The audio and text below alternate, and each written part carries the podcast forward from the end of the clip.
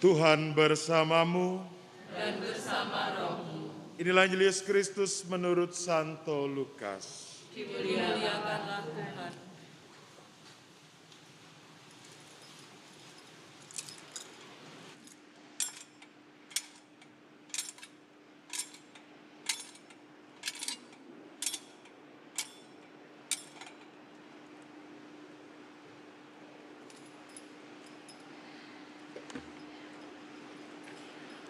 Setelah malaikat-malaikat itu meninggalkan mereka dan kembali ke surga, gembala-gembala itu berkata satu sama lain, Marilah sekarang kita pergi ke Bethlehem untuk melihat apa yang terjadi di sana, seperti yang diberitahukan Tuhan kepada kita. Lalu mereka cepat-cepat berangkat dan menjumpai Maria dan Yusuf serta bayi itu yang sedang berbaring di dalam palungan. Ketika melihat bayi itu, mereka memberitahukan apa yang telah dikatakan kepada mereka tentang anak itu. Semua orang yang mendengarnya heran tentang apa yang dikatakan gembala-gembala itu kepada Maria, kepada mereka. Tapi Maria menyimpan segala perkataan itu di dalam hati dan merenungkannya. Kemudian kembalilah gembala-gembala itu sambil memuji dan memuliakan Allah karena segala sesuatu yang mereka dengar dan mereka lihat. Semuanya sesuai dengan apa yang telah dikatakan kepada mereka. Demikianlah sabda Tuhan. Terpujilah Kristus. Suster, bruder, bapak, ibu, saudara, saudari, dan rekan-rekan muda yang terkasih dalam Kristus. Kalau pada zaman ini, Yesus lahir di zaman ini, maka dalam hitungan detik berita itu akan tersebar ke seluruh dunia.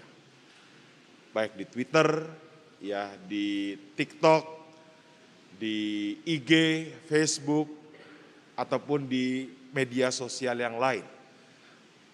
Pada hari ini, pada detik ini, maka berita itu akan tersebar dan akan meluas, dan kita semua merasakan kegembiraan. Tetapi pertanyaannya, pada zaman itu bagaimana? Bagaimana peristiwa yang 2000 tahun lalu itu sampai ke kita saat ini di tahun 2022? Berita 2000 tahun yang lalu. Dan bahkan bukan hanya sebuah berita saja, kita meyakini, mengimani bahwa berita itu adalah benar, bukan hoax. Berita itu benar dan kita mengimaninya. Maka perlulah sebuah perantara, pewarta yang menyampaikan kabar sukacita itu kepada kita. Kalau kita melihat konteksnya, bukan orang-orang yang terpandang, bukan mereka yang ada dalam status sosial yang tinggi yang menerima kabar itu, tetapi para gembala. Mungkin anak-anak zaman sekarang kalau mendengar kata gembala itu malah bingung. Promo gembala itu apa? Karena mungkin uh, tidak pernah atau tidak melihat langsung gembala orang yang uh, apa namanya menjaga domba-domba gitu ya. Tetapi gembala ini dipilih Allah. Dipilih untuk menjadi pewarta kabar sukacita, untuk memberitakan kabar sukacita. Kalau dilihat dalam konteksnya, dalam masyarakat zaman itu, gembala ini juga bukan dalam golongan orang-orang yang penting, termasuk orang-orang yang bekerjanya kerja kasar mereka berpindah dari satu daerah ke daerah yang lain, membawa domba-domba, nomaden gitu ya. Mereka juga tidak punya pengaruh di dalam masyarakat. Kerja mereka ya dari pagi sampai malam. Pagi itu membawa domba-domba ke padang rumput, mencari makan, lalu mencari minum. Ketika malam hari yang mereka menjaga bagaimana domba-domba ini aman dari kawanan serigala.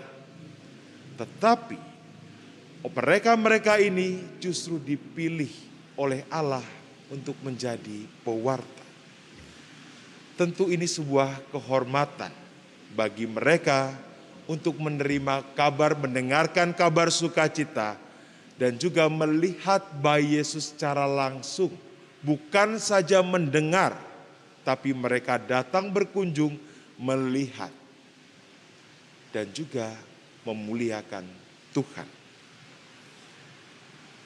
Ada tiga hal yang mereka alami. Yang pertama, mereka dipilih Allah untuk menerima kabar.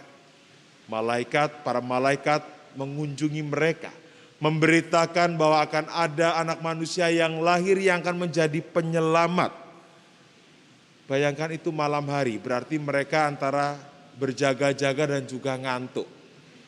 Yang biasanya mereka pagi itu bekerja, lelah, letih, capek.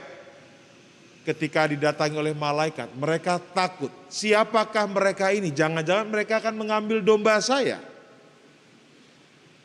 Tetapi rasa takut itu diubah menjadi sebuah rasa syukur sukacita karena mereka melihat para malaikat itu. Dari ketakutan, dari rasa lelah, rasa kantuk yang mereka alami, diubah menjadi sebuah pertanyaan pertamanya, siapakah mereka? Para malaikat mewartakan dan ketakutan itu menjadi sukacita. Yang kedua, mereka adalah orang-orang yang menerima kabar besar atau berita besar. Ini bukan gosip-gosip yang ada di keseharian kita. Kabar A, B, C, dan seterusnya. Tetapi ini kabar besar, berita besar bagi seluruh dunia.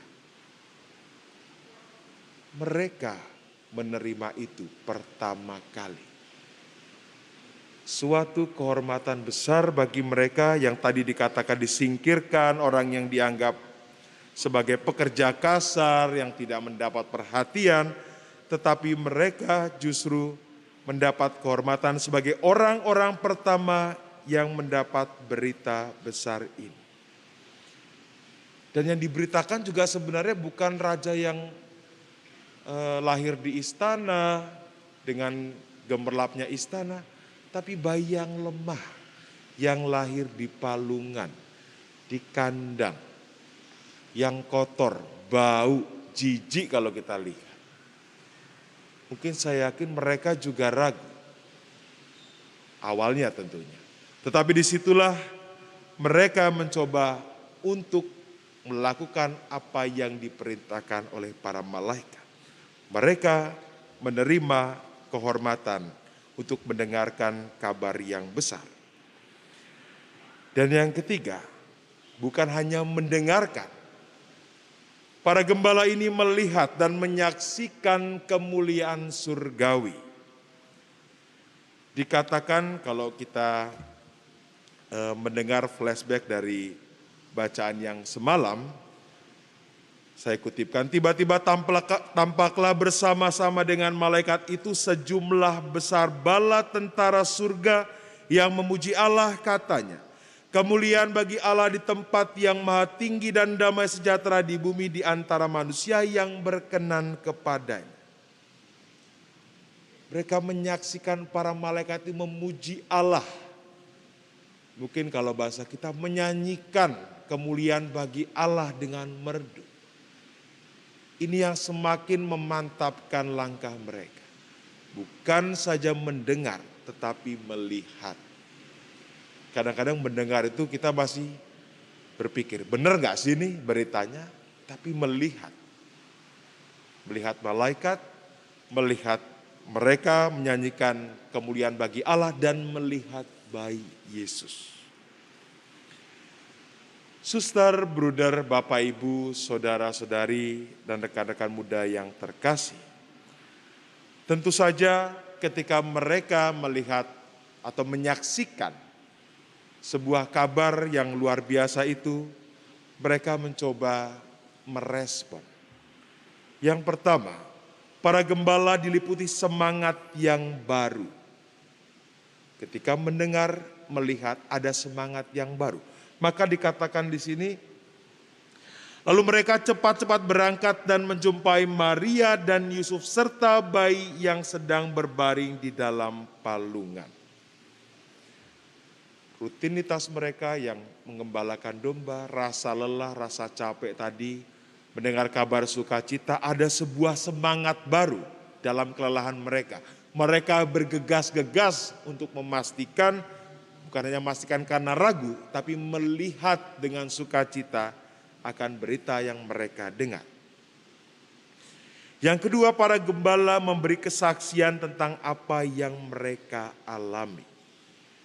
Mereka membagikan sukacita, semangat, damai Natal yang mereka alami untuk semua orang.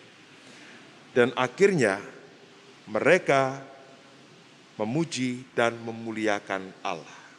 Dikatakan Kemudian kembalilah gembala-gembala itu sambil memuji dan memuliakan Allah karena segala sesuatu yang mereka dengar dan mereka lihat semuanya sesuai dengan apa yang telah dikatakan kepada mereka.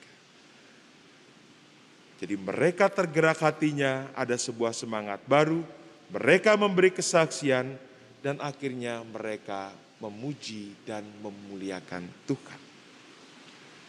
Suster, bruder, Bapak Ibu, Saudara-saudari, rekan-rekan muda yang terkasih dalam Kristus.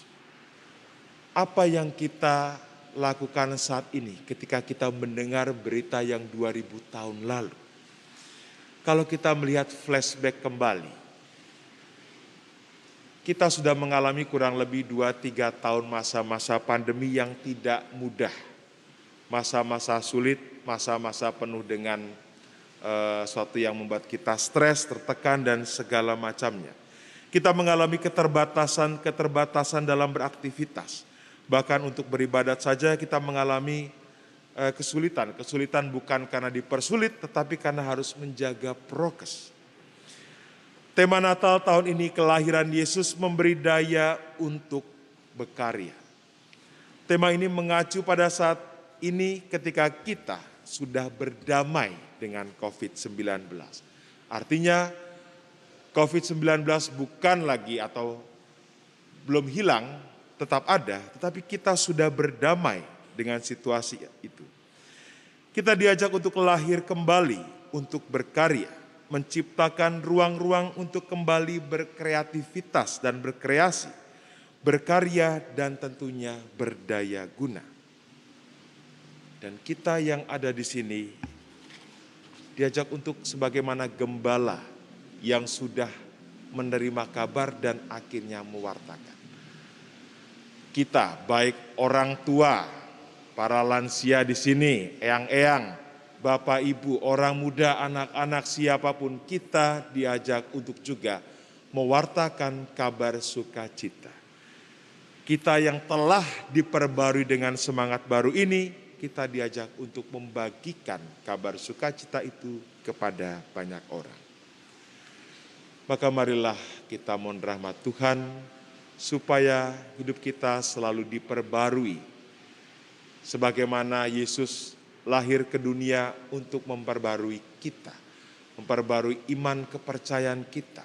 Memperbarui hidup kita dan seterusnya. Supaya kita diberikan kekuatan untuk itu semua.